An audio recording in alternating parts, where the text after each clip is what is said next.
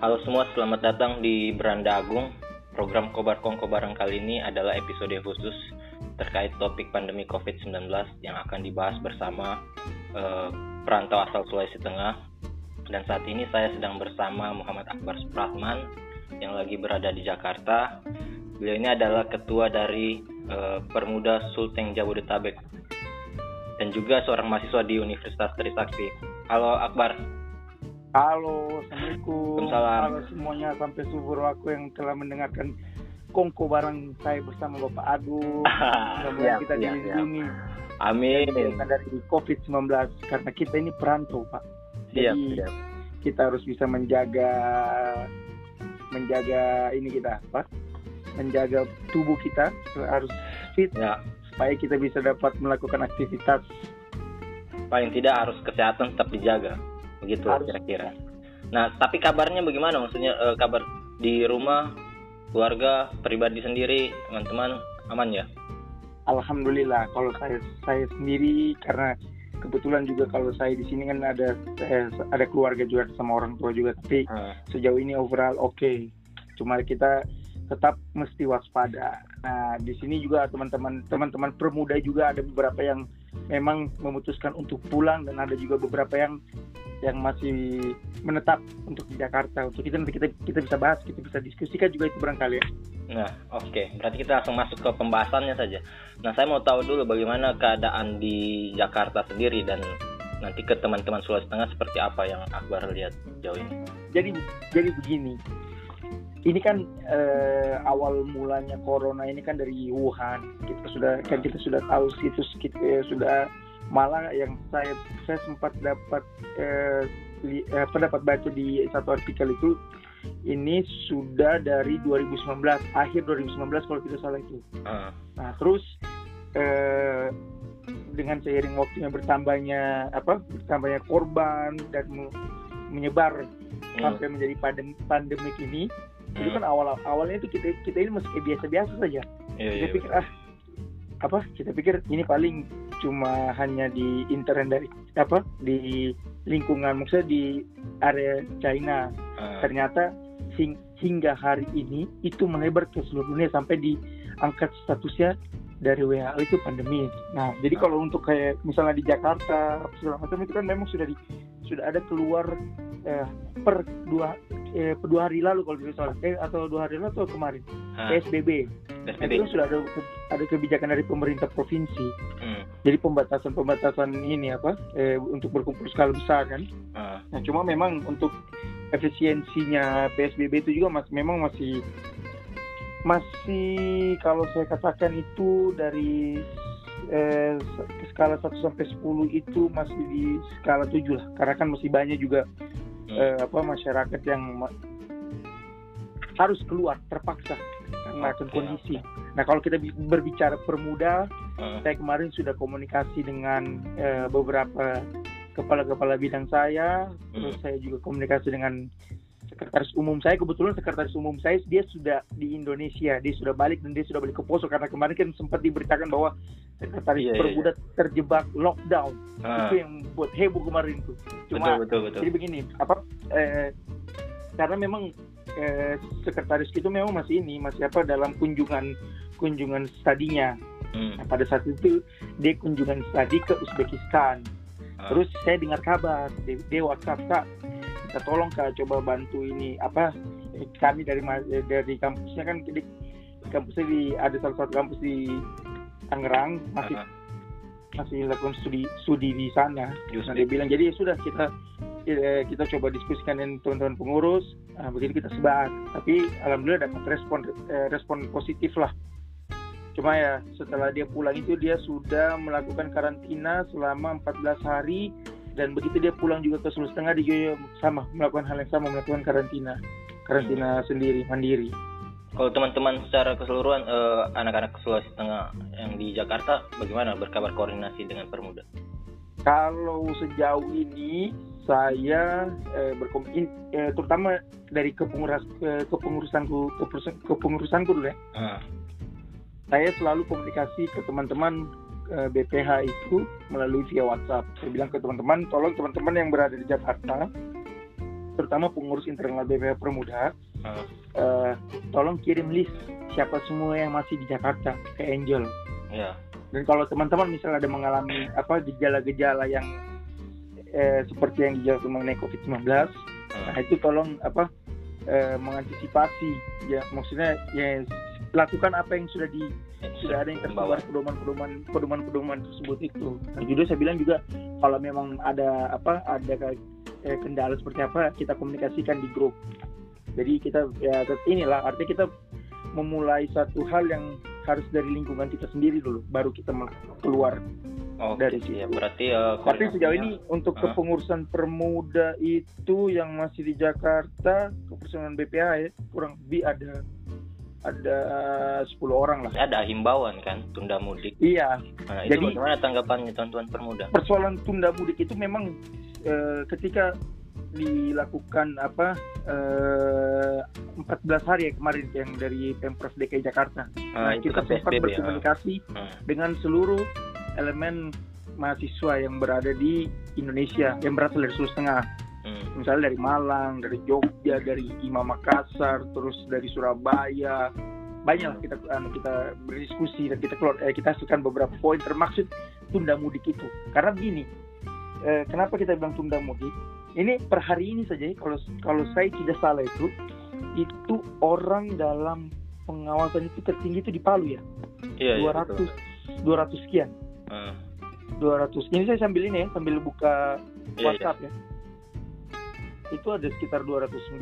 Itu eh, tersebar itu kemungkinan besar itu kalau saya prediksi itu orang dalam pemantauan itu karena mungkin orang yang keluar masuk keluar masuk dari Palu eh, dari dari luar luar Sulawesi Tengah masuk ke Hmm. Palu itu Oh, Jadi- itu yang kita kemarin kita apa kita komunikasi dengan teman-teman Sulteng kalau bisa kalau kita pulang ke Sulteng otomatis itu akan menjadi tambahan di list orang dalam pemantauan. Iya. Dan- Tapi ada tidak eh, ada tidak eh, maksudnya antisipasi teman-teman? Kan ada beberapa yang sudah pulang nah terus ada juga yang masih mau bertahan tapi sementara dia juga mau pulang begitu. Bagaimana jadi, antisipasi jadi teman-teman? begini kondisi teman-teman di sini itu serba salah sebenarnya.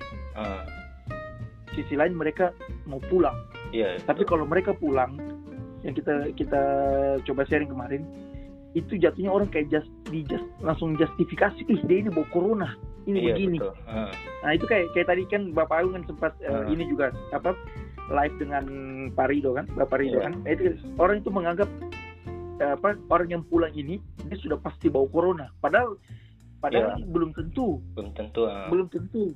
Cuma karena itu memang pemberitahuan di media itu makanya saya sempat kemarin permuda itu eh, sempat eh, kirim statement ke media online Hmm. ayo kita sama-sama lawan corona terutama dari sosial media dari sosial media kita stop penyebaran hoax Oh, Oke oke. Berarti eh, gerakannya lebih ke eh, bagaimana menginformasikan hal-hal yang baik begitu. Iya, harus. Oke. Nah itu kan Karena eh, informasi itu orang bisa Iya. telan mentah-mentah. Ya betul betul. Orang sudah telan mentah-mentah mulut ke mulut, mulut ke mulut makin melebar, jadilah itu berita hoax. Nah itu kan Ya, tapi eh, kalau yang bertahan di Jakarta sementara mungkin dia harus eh, persiapkan kebutuhan logistiknya. Itu, Itu ada dia, tidak? itu dia, Eh, itu dia, itu dia. Kalau kalau kalau dari permuda sendiri, alhamdulillah permuda masih ada apa hasil inilah uang kas bulanan. lah. Jadi hmm.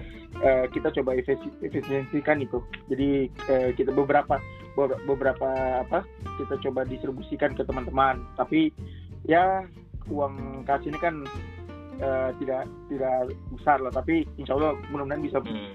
bisa sejauh sejauh ini alhamdulillah masih bisa inilah masih bisa untuk baku support lah. Oke berarti ada lah eh, komunikasi ke teman-teman yang lain. Apalagi kayaknya Nah, juga di Jakarta masih banyak artinya, teman-teman. Kalau misalnya anti- antisipasi untuk saat ini Hmm. eh, apa alhamdulillah dari pengurus B, dari keseluruhan elemen BPH itu masih inilah kooperatif semuanya. Tapi kan eh, kita belum tidak bisa pastikan bisa bertahan sampai kapan. Nah itu dia yang yang kita mau apa yang kita mau coba bawa ke apa bawa ke pemerintah provinsi Hmm. atau pemerintah kota atau pemerintah kabupaten yang kemarin kita diskusikan dengan teman-teman teman-teman mahasiswa kira-kira bagaimana ini pak? Kalau memang kita tidak kita tidak bisa pulang Hmm. kita kira-kira bisa dapat ban- bantuan tidak? Karena sementara kalau misalnya kita tidak kita tidak pulang dengan kondisi seperti ini. Ekonomis ekonomi kan kita sudah kita sudah lihat bagaimana lah eh, apa kondisi ekonomi saat ini. Pasti ada penurunan apa segala macam. Terus untuk teman-teman mahasiswa ini bertahan ini bagaimana? Nah oke okay lah untuk untuk sementara ini kita masih kayak misalnya dipermudah sendiri kita masih bisa antisipasi dengan eh, adanya uang kas iuran itu. Artinya itu bisa jadi salah satu apa salah satu untuk mengantisipasi sementara kan kan nah cuma kan yang jadi problem juga sekarang ini kan kalau kita masih kalau kita lihat ya perkembangan hmm. Palus khususnya kota Palus Sulawesi Donggala kan baru selesai namanya bencana. Iya betul betul. Nah itu lagi.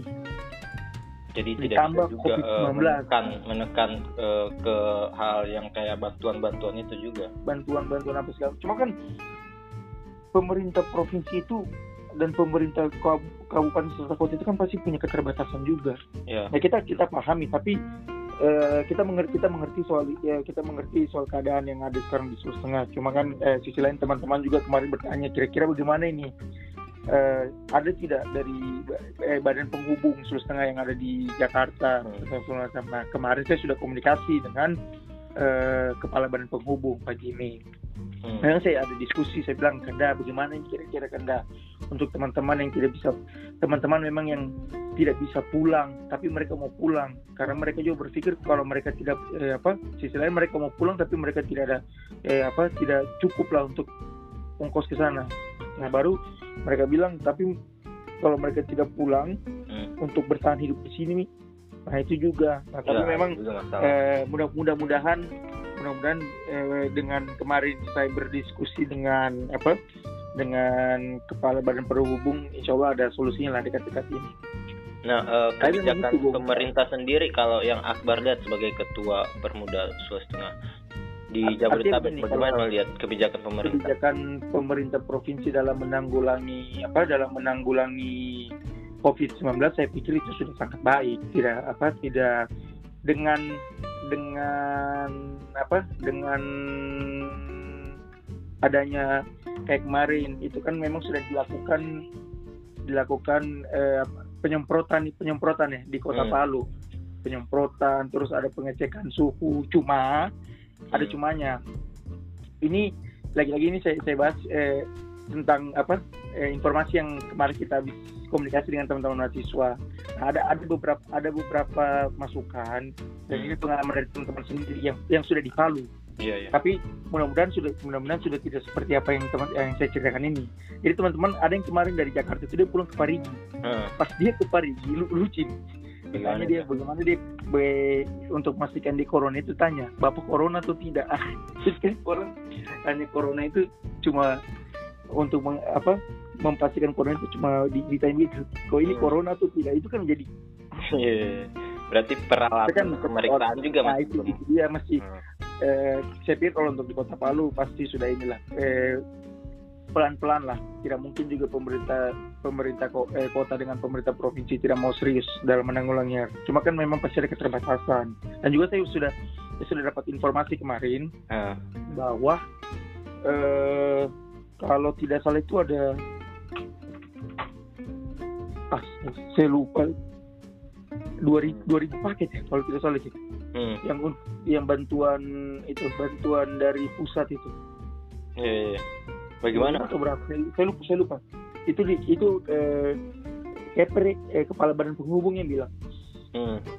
itu buat ke kabupaten kota Oh, oke, okay, okay. berarti sudah, sudah ada, ada informasi ada bantuan, bantuan untuk ke tapi memang daerah-daerah. itu masih masih apa eh masih kurang lah. Oke. Ini tapi uh, teman-teman yang masih bertahan di Jakarta, nah uh, melihat keadaan sekarang ini yang agak lambat, mungkin ya bisa dibilang ini agak lambat dan mungkin akan akan berkepanjangan. Uh, harapannya aspirasi yang mau disampaikan kira-kira tawarnya seperti apa ini yang harus dilakukan? Kalau kita sih berharap mudah-mudahan ini cepat selesai lah hmm. karena sisi lain teman-teman juga kemarin ada yang sudah bilang di grup ih rindu leh mau kumpul dengan teman-teman yang lain terus hmm. juga ih kita sudah mau lebaran inilah aku sebut terlalu jauh lah lebaran sudah mau masuk puasa biasanya kan kalau permuda itu apalagi per, dengan dengan adanya COVID-19 ini harusnya kegiatan permuda itu eh, di tanggal 18 April itu tertunda. Hmm. Terus yang kedua acara HUT provinsi Hmm. eh, itu juga ada masuk dalam rangkaian eh, permuda festival itu tertunda itu semua. Ya mudah mudah mudah-mudahan lah dengan dengan apa dengan apa yang sudah dilakukan pemerintah pusat serta pemerintah provinsi mudah cepat dapat menanggulangi ini. Hmm. Yang saya mau sampaikan ke teman-teman tidak perlu kita menyalahkan satu sama lain. Ya. Nah, jangan kita menyalahkan satu sama lain karena tidak ada yang mau musibah COVID-19 ini. Dan Hmm. COVID ini tidak bisa kita lihat, Pak. Hmm. Makanya itu kita mesti hati-hati. Jadi, Jadi eh, apa?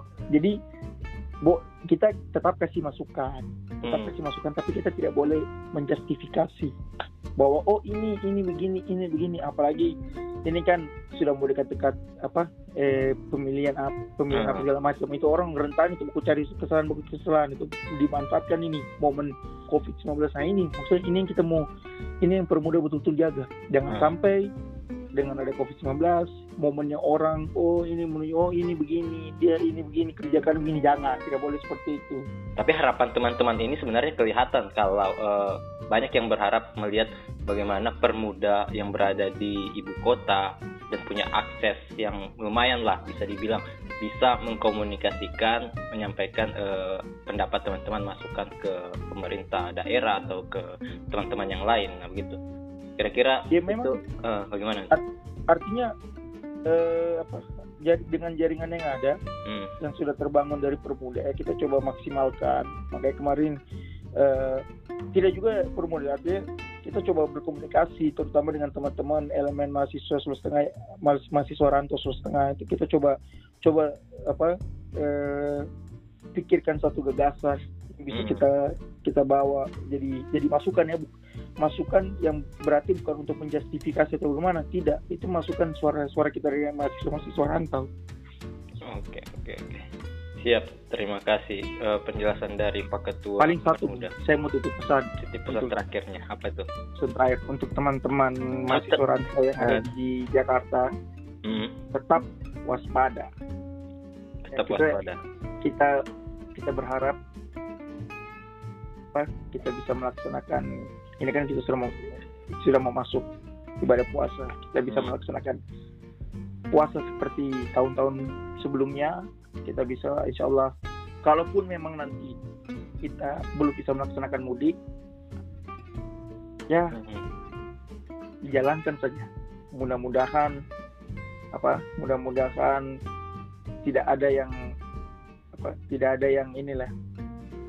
Memang memang pasti semua orang mau mudik Cuma kalau kita pulang mudik itu dengan kondisinya kalau insya Allah amit apa insya Allah, insya Allah mudah-mudahan kondisi bisa lebih cepat membaik ya itu it's okay lah kita bisa mudik. Tapi kalau misalnya kondisinya makin memburuk atau mana tahan saja dulu. Jangan sampai malah kita nanti buat repot orang di sana. Karena kan kalau kita pulang juga kita otomatis yang tadi saya bilang itu akan akan menambah ini menambah status ODP itu kita Siap. akhiri pembicaraan ini pembahasan lebih lanjut nanti kita bahas di sesi-sesi yang lain.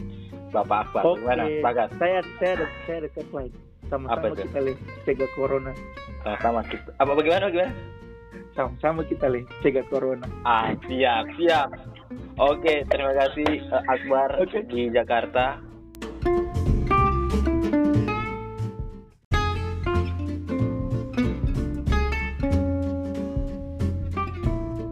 Halo semua, selamat datang di Beranda Agung. Program Kobar Kongkobaran kali ini adalah episode khusus terkait topik pandemi COVID-19 yang akan dibahas bersama perantau asal Sulawesi Tengah. Jadi saat ini saya sedang bersama Agung Wirya Saputra yang lagi berada di Surabaya. Jadi beliau ini adalah seorang eh, mahasiswa dan juga ketua dari IKMST Surabaya. Ya, halo Agung. Ya, halo Mas. Assalamualaikum warahmatullahi wabarakatuh. Selamat malam. Selamat malam. Eh, Agung, eh, ini namanya kita sama ini. Saya juga Agung. Agung sedunia kayaknya. Oke oke. Eh, kita masuk ke topiknya ini. eh, bagaimana keadaan di kota Surabaya dan teman-teman Sulawesi Tengah yang ada di Surabaya? Oke, jadi keadaan Surabaya saat ini memang sedang masifnya kegiatan social distancing itu dilaksanakan. Bahwa nih pertama-tama Kanda biar lebih konkret saya sampaikan informasi dulu mungkin ya kayak gitu ya. Iya. Jadi Surabaya itu sekarang statusnya secara umum dari kelima wilayah Surabaya Barat, Surabaya Selatan, hmm. Timur, Utara dan Pusat itu kurang lebih ODP-nya mencapai 1056 orang. Iya. Hmm. Terus PDP 416 orang. Hmm. Positifnya ada 84 orang dan juga yang jumlah sembuhnya ada sekitar 25 orang. Hmm. Nah, yang ingin saya sampaikan adalah bahwa Surabaya hari ini benar-benar dari tatanan pemprov sendiri secara vertikal sampai ke bawah, sampai ke lingkungan uh, satpol pp memang sudah berupaya semaksimal mungkin sehingga penanganan pencegahan covid di Surabaya itu benar-benar bisa luar biasa menurut saya daerah-daerah lain harus mencontoh Surabaya. Nah untuk keadaan mahasiswa Surabaya, mahasiswa Sulawesi Tengah sendiri yang ada di kota Surabaya, hmm. kita terhimpun dari berbagai wilayah dari Banggai, Luwuk, Parigi, Poso, Palu, dan khususnya Sulawesi Tengah itu memang kalau dari jumlah pendataan kami ada sekitar 40 mahasiswa yang aktif ya. Yeah. Dari beberapa perguruan tinggi, dari dari, dari Ubaya, dari UNER, dari Untak, juga dari kampus-kampus lain. Eh, sekian persen dari jumlah itu mungkin total sekitar 40 persen. Memang secara pendataan kami sudah banyak yang melakukan mudik nih pulang. Uh, sudah balik ke daerah. saat eh, balik ke daerah. Walaupun sebenarnya kami sejak awal sudah memberikan pembekalan bahwa ketika teman-teman pulang harus melakukan cek kesehatan dulu di Surabaya terus kalau memang sudah mendapatkan surat rekomendasi terus baru teman-teman boleh pulang Hmm. Nah, untuk teman-teman Sulawesi Tengah yang lain ini kita menyediakan fasilitas berupa sekretariat untuk melaksanakan karantina bersama karena kami khawatir hmm. ketika teman-teman ini melaksanakan karantina baik di kos masing-masing di tempat tinggal masing-masing ini justru konsumsinya makanannya ini enggak tertib nanti. Takutnya justru mereka terkontaminasi apakah itu dari Gojek apakah dari restoran dan lain-lain. Sehingga kami berinisiatif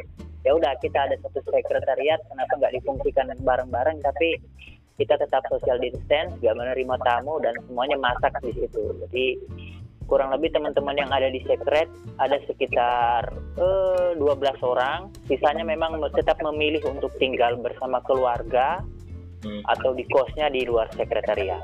Jadi kurang lebih seperti itu kalau kondisi di Surabaya hari ini dan kondisi di Surabaya hari ini juga eh, sudah agak sepi. Mungkin di jam 8 malam aktivitas pun sudah mulai agak sepi juga di Surabaya. Oh. Jadi memang sudah mulai berangsur-angsur melaksanakan social distancing dengan masif. Berarti eh, di keadaan di Surabaya sendiri yang sudah tertib masyarakatnya terkait dengan pandemi ini. Iya benar tertib. Bahkan kita uh, kalau ada yang nongkrong gitu rame-rame dibubarin sama satpol pp. Oh.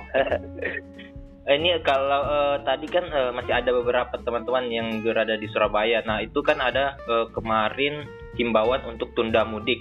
Nah ini bagaimana uh, respon dari teman-teman melihat himbauan itu? Apakah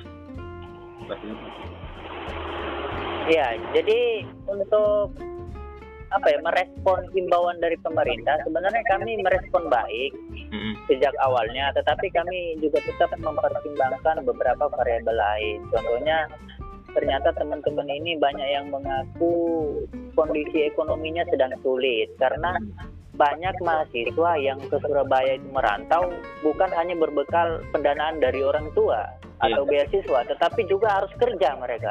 Hmm. Nah, mereka yang bekerja ini ketika pekerjaannya di stop atau beberapa warung kopi tutup atau gerai-gerai seperti gerai besar itu tutup, mereka akhirnya kehilangan pekerjaan sehingga memilih untuk masa nggak bisa ambil posisi lain sehingga saya harus pulang kayaknya untuk uh, mengantisipasi juga meminimalisir pengeluaran. Hmm. Jadi memang tetap ada beberapa teman yang memilih untuk pulang.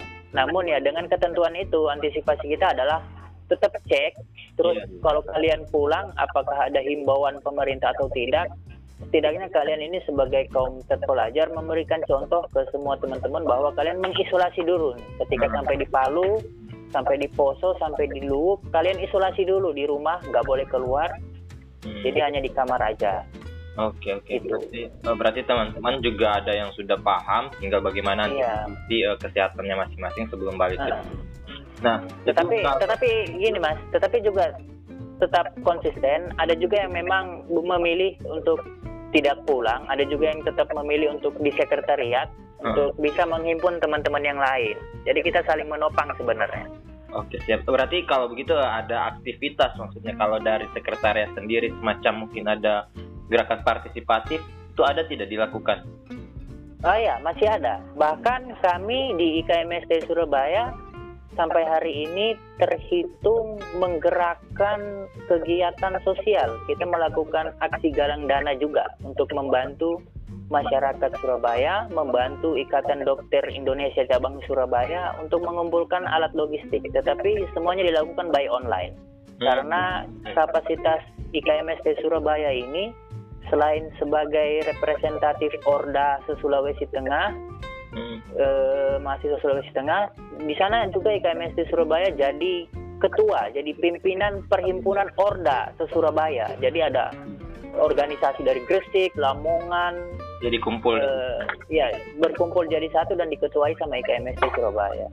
Oke siap siap. Nah ini kalau soal kebijakan e, pemerintah yang melakukan pembatasan wilayah segala macam itu e, yang dilihat dari teman-teman IKMS ini seperti apa ke depannya? Maksudnya kan ini belum ada belum ada ini kan kepastian waktunya kapan corona akan berakhir. Kira-kira ada saran atau pendapat yang bisa disampaikan seperti apa? Oke, iya ada. Jadi sebenarnya untuk pembatasan wilayah memang paling relevan kita itu menerapkan karantina wilayah hmm. berdasarkan kajian kami. Tetapi ternyata pemerintah lebih memilih untuk menerapkan PSSB di mana uh, penerapan di social distancing itu lebih masif yeah. dan akhirnya kan uh, berpotensi untuk tetap ada arus mudik arus balik itu tetap akan terjadi. Uh. Nah salah satunya cara untuk bagaimana supaya bisa meminimalisir adalah kami mendorong sesuai mungkin dengan pernyataannya Ketua DPRD Sulteng kami setuju dengan Ibu Dokter Haji Nilam itu bahwa pemerintah hmm. perlu melakukan atau membentuk posko pelayanan COVID-19 di berbagai di Sulawesi Tengah khususnya untuk teman-teman yang pulang ini karena mau bagaimanapun di bulan April ini akan menjadi magnet bagi teman-teman semua untuk pulang. Oke. Okay. Dari dari berbagai wilayah. Perlu kami mengusulkan untuk perlu membuat posko pelayanan COVID, terus hmm. juga perlu membuat uh, pelayanan online. Sekarang ini sangat mudah untuk membuat form yang mudah diisi dan dibuat oleh siapa pun juga. Jadi mereka itu ketika pulang mereka sudah bisa mengelis membuat form tersebut, mengisi form tersebut bahwa saya dari Surabaya, terus saya dari asal kota ini dan bagaimana penanganannya. Terus juga kami juga menghimbau agar di tempat-tempat beberapa tempat strategis masuknya wilayah di Sulawesi Tengah itu agar supaya lebih diperketat lagi kayak pintu-pintu masuk dari Makassar dan lain-lain bukan hanya adanya buka tutup tetapi penjaga itu perlu dilengkapi dengan alat yang memadai karena mereka ini adalah orang-orang yang ada nanti melindungi masyarakat di sana. Hmm. Jangan sampai mereka yang menjadi korban. Terus kemudian sedikit review saya bahwa teman-teman saya yang pulang itu menyampaikan informasi bahwa di Palu khususnya di bandara tidak ada yang namanya uh, pengawalan yang ketat. Kayak misalnya di Surabaya itu ada tes sebanyak tiga kali untuk bisa naik ke pesawat. Hmm. Terus di Makassar ada tes dan sampai ke pelayanan kesehatan dan konsultasi kesehatan sampai dua kali. Hmm. Nah, ketika mereka ini mendarat, kemarin yang konkret datanya di Kota Palu, mereka tidak ada pendataan sama sekali, tidak ada penyampaian sama sekali, tidak ada edukasi sama sekali bahwa ketika Anda pulang, ini yang harus Anda lakukan, terus Anda harus mendata diri, terus Anda melakukan harus mengikuti himbauan pemerintah, terus Anda juga tidak ada alat yang menguji suhu badan, hmm. sehingga minim sekali pengawasan di Kota Palu ini yang kami pandang dari IKMST sehingga ketika rapat bersama seluruh pimpinan organisasi Sulawesi Tengah nasional kemarin kami sudah sampaikan usul-usul itu untuk melakukan lebih pengetatan lagi khususnya di bandara. Karena itu kalau kalau sehari misalnya dari Surabaya ada 100 orang hmm. gimana kalau dari penerbangan lain jadi itu mungkin harus jadi prioritas pertama pemerintah Sulawesi Tengah hmm. oke okay, uh, eh, untuk ini uh, eh, IKMSD sendiri di Surabaya kegiatan-kegiatan ke depannya atau mungkin ada yang tertunda harapannya seperti apa ketika pandemi ini sudah berakhir? Ya, jadi ada beberapa jadwal kegiatan ya. Pertama, kami ingin melaksanakan disnatalis itu harus dibatalkan. Hmm. Terus yang kedua, kami juga harusnya musyawarah besar, pergantian pengurus itu kemungkinan rapat-rapatnya juga harus dibatalkan Hmm. dan juga ada beberapa kegiatan seminar kebudayaan yang sudah terkonsep rapi sebenarnya hanya tinggal menyebarkan undangan dan pemateri juga serta beberapa pemkot dari Palu dari Sulawesi Tengah akhirnya kami tunda semua dulu kami lakukan kegiatan by online kami juga masih melakukan kegiatan diskusi daring hmm. dan juga yang hari ini yang terkonsep yang memang aksi penggalangan dana itu bersama Aliansi Solidaritas Kemanusiaan ke kota Surabaya bersama orda-orda lain. Oke, oke. Berarti ya, kegiatan yang sudah dijadwalkan beberapa bulan ke depan ada ditunda ya, lagi ditunda. Iya, oke. ditunda. Siap, siap. Nanti kita bahas mungkin kegiatan uh, selanjutnya. Uh, kita bahas di episode yang lain yang berbeda. Bagaimana, Ketua? Siap, Ketua. Saya pembahasan ini kita stop di sini. Nanti yang oh. kita bisa lanjutkan di sesi yang lain. Oke, makasih Agung. Oke, siap kan lah.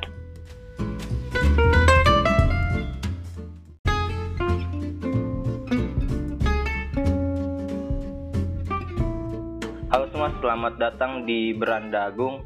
Program Kobar Kongkobaran kali ini adalah episode khusus yang membahas topik pandemi COVID-19 bersama dengan teman-teman perantau di beberapa daerah. Saat ini saya sedang bersama teman dari Sulawesi Tengah yang saat ini sedang berada di Makassar. Dia adalah Gary Arya Wibowo. Halo Gary. Halo. Ya, jadi uh, sebelum kita mulai, saya mau perkenalkan dulu uh, Gary ini adalah mahasiswa di Universitas Fajar Pasca Sarjana Ilmu Komunikasi. Gary juga adalah ketua dari IMA Sulteng Makassar ya? Iya, IMA, Sulteng Makassar. Dan perkembangan uh, keadaan pandemi COVID-19 ini di Makassar seperti apa eh, kalau Gary lihat bagaimana keadaannya di kota Makassar? Ya kalau untuk di kota Makassar mungkin sama seperti yang teman-teman alami di daerah lain kan. Hmm. Di sini juga untuk karena sudah masuk dalam zona merah karena sudah lebih dari ratusan yang kena. Hmm. Jadi ya sudah diberlakukan untuk stay home saja diam-diam di rumah seperti yang saya lakukan sekarang ini sudah hampir satu minggu lebih nggak keluar keluar hmm. kita di rumah terus nah mungkin kayak begitu jadi anjuran dari kepolisian dari aparat pemerintah juga sudah jalan terus karena setiap malam mungkin se infonya ada, ada terus di tiap jalan begitu. Oke. Kalau kabar teman-teman Sulawesi Tengah yang ada di situ, bagaimana sudah ada kontak-kontakan kabar seperti apa? Oh ya kak, kalau teman-teman di Makassar sendiri dari Sulawesi Tengah kan di sini ada banyak sekali or organisasi yeah. organisasi kabupaten-kabupaten hmm. nah, telepon semua ketua-ketuanya kemarin waktu saya adakan kegiatan bagi-bagi disinfektan sama antis antiseptik hmm. jadi kemungkinan dari teman-teman Sulawesi Tengah sini sudah 85% itu yang pulang kampung. Jadi sini tinggal 15% saja yang ada di Makassar sini. Oh, oke berarti sudah banyak itu yang pulang kampung. Iya sudah banyak karena sebelum kan waktu masih awal-awal kan sudah kampus sudah diliburkan semua sudah mulai kuliah online. Hmm. Banyak teman-teman yang milik pulang kampung. Mungkin oh. waktu status Makassar belum zona merah mereka sudah pulang kampung. Oh sudah pulang memang. Tapi kegiatan dari teman-teman Sulteng itu apa apa saja yang sudah dilakukan?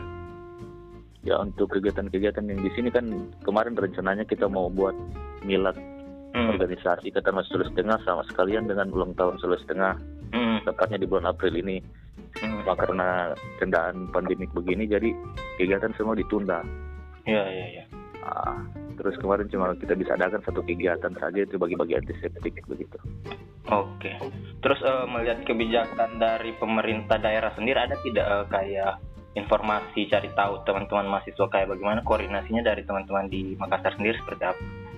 Ya, ini yang saya mungkin sudah beberapa kali suarakan kemarin kita sempat juga via Zoom sama teman-teman dari organisasi Sulawesi Tengah yang ada di berbagai daerah. Hmm. Jadi saya di sini belum ada dari pemerintah provinsi untuk bagaimana melihat mahasiswa yang ada di, luar daerah Sulawesi Tengah. Iya, iya. Gitu. Jadi yang dibilang jangan pulang kampung, terus bagaimana kondisi teman-teman di sini yang tidak pulang kampung? Nah, tidak ditahu apakah mereka kondisinya bagaimana di perantauan? Iya, iya. Yang kurang kayaknya. Belum ada follow up, uh, belum ada koordinasi dari pemerintah melihat teman-teman ya. sekolah di luar. Oke, oke. Nah ini menarik. Belum ada, belum ada kan kemarin uh, ada ada kebijakan yang maksudnya bukan kebijakan sih lebih ke himbauan kalau teman-teman yang merantau tunda mudiknya sampai hmm. uh, benar-benar pandemi ini berakhir. Bagaimana itu teman-teman yang masih tersisa di Makassar seperti apa responnya dengan himbauan? Ya sebenarnya begini kalau saya juga kemarin keluarkan himbauan untuk teman-teman masih Sulawesi Tengah di Makassar sini mm-hmm. jadi kalau saya sampaikan bahwa kalau sayang kampung jangan pulang kampung kan karena kalau kita pulang juga di, di daerah Sulawesi Tengah kita langsung jadi ODP yeah. jadi disarankan untuk jangan pulang kampung nah, kemarin tapi dengan dari pemerintah kan himbauannya seperti itu mm-hmm. saya tertentu juga tapi untuk maksudnya untuk teman-teman di sini ada bagaimana perhatian pemerintah lah untuk melihat kondisi mahasiswa di perantauan.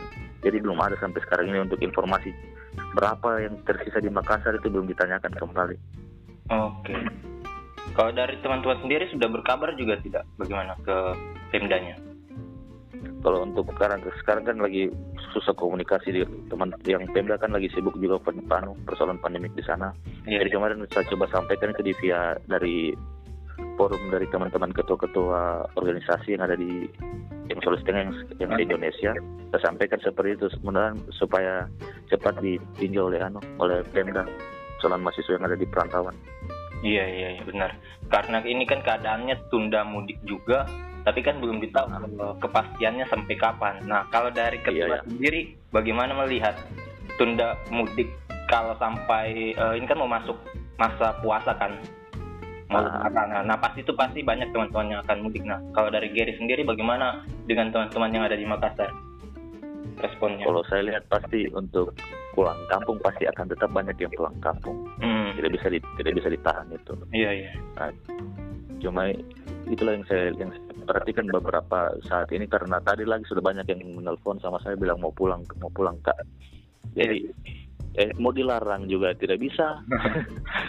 Karena keluarganya di sana karena ke orang tua juga kebanyakan yang banyak suruh cepat anaknya pulang. Itu juga. Hmm. jadi dari orang ketakutan tua. ketakutan ya ketakutan ketakutan dari orang tua kan juga dari era itu sangat tinggi sekali. Makanya hmm. banyak yang suruh pulang begitu oke. Okay. tapi kan uh, teman-teman yang balik juga ke daerah masing-masing kampung halaman itu termasuk the ODP kan maksudnya kalau dari uh, melihat teman-teman yang sudah balik ada tidak uh, maksudnya uh, antisipasinya ketika balik itu karena sudah masuk dalam ODP apa yang dilakukan atau mungkin ada himbauan dari ketua seperti apa? Oh ya kalau saya melihat kemarin begini, kalau saya kan dari ketua anu tidak mungkin saya mau tahu semua itu masih yang ada di Sulawesi Tengah. Jadi saya cuma karena saya kebetulan dari Morowali Utara, hmm. jadi saya, saya ambil contoh saya dari teman-teman dari Morowali Utara ya. Iya iya. Ya teman-teman dari Morowali Utara itu pas pulang kampung dari Makassar pulang kampung ke Morowali Utara itu semua di karantina selama 4, 14 hari. Jadi 14 hari itu tidak boleh pulang anu keluar keluar dari rumah. Hmm. Jadi seperti itu. Mungkin itu juga berlaku di daerah-daerah lain karena kemarin saya sempat komunikasi dengan teman-teman dari Banggai Laut juga seperti itu. 14 hari juga di di isolasi eh, karantina mandiri di rumah masing-masing. Iya, iya. gitu. Nah, untuk uh, untuk uh, melihat respon dari pemerintah sendiri uh, dari IMA ada tidak uh, apa aspirasinya maksudnya yang ingin disampaikan biar uh, bagaimana nanti mungkin akan berkepanjangan pandemi ini mahasiswa akan balik bagaimana biar uh, aman lah gitu mahasiswa dari Sulawesi Tengah untuk kembali di perantauan. Oh ya, untuk sekolah saya begini, kalau untuk teman-teman mungkin yang kayak, kayak Makassar yang agak agak dekat dari mana dari Sulawesi Tengah mungkin itu bisa difasilitasi untuk masalah pulang kampungnya. Hmm. Sebelum mereka pulang kampung itu sudah didata didata memang siapa yeah. yang mau pulang kan supaya gampang dipantau begitu. Hmm. Nah, kalau untuk yang yang kedua persoalan untuk pulang kampung nanti dari pemerintah mungkin ada hal-hal yang begini hal-hal yang sifatnya prinsip sekali untuk pemeriksaan kesehatan dulu sebelum pulang. Iya. Jadi kayak mungkin teman-teman yang mahasiswa yang sudah setengah ada di Makassar sebelum pulang kampung periksa dulu kesehatannya di puskesmas puskesmas. Mm -hmm. Terus pas pulang kampung sudah memang bawa surat kesehatannya begitu dan yeah. Karantina mandiri saja seperti itu. Oke oke. Uh, kalau dari Gary sendiri harapannya uh, setelah pandemi ini berakhir atau apa yang kira-kira akan dilakukan? Ada kegiatan-kegiatan yang ingin dilakukan dari teman-teman IMA seperti apa? Ya kalau untuk teman-teman IMA Sultan sendiri mungkin pasti ada kabar baik setelah virus ini. Mudah-mudahan itu kita alami saja. Yang pertama kegiatannya IMA Sultan sendiri pasti akan jalan setelah pandemi ada beberapa program yang tertunda kayak tadi yang saya sampaikan itu milad yeah. organisasi sama ulang tahun Sulawesi Tengah kan itu festival budaya dan turnamen yang sudah teman-teman susun sendiri pasti itu akan dilaksanakan dan mau menghadapi kongres berikutnya untuk pergantian kepengurusan di Sultan. Oke, uh, terima kasih Gary. Nanti kita uh, kabar-kabar lagi untuk kelanjutannya Siap. secara lebih detail hal yang mengenai keorganisasian kita bahas di sesi yang lain. Oke. Siap? Siap. Terima kasih Gary. Ya, terima kasih.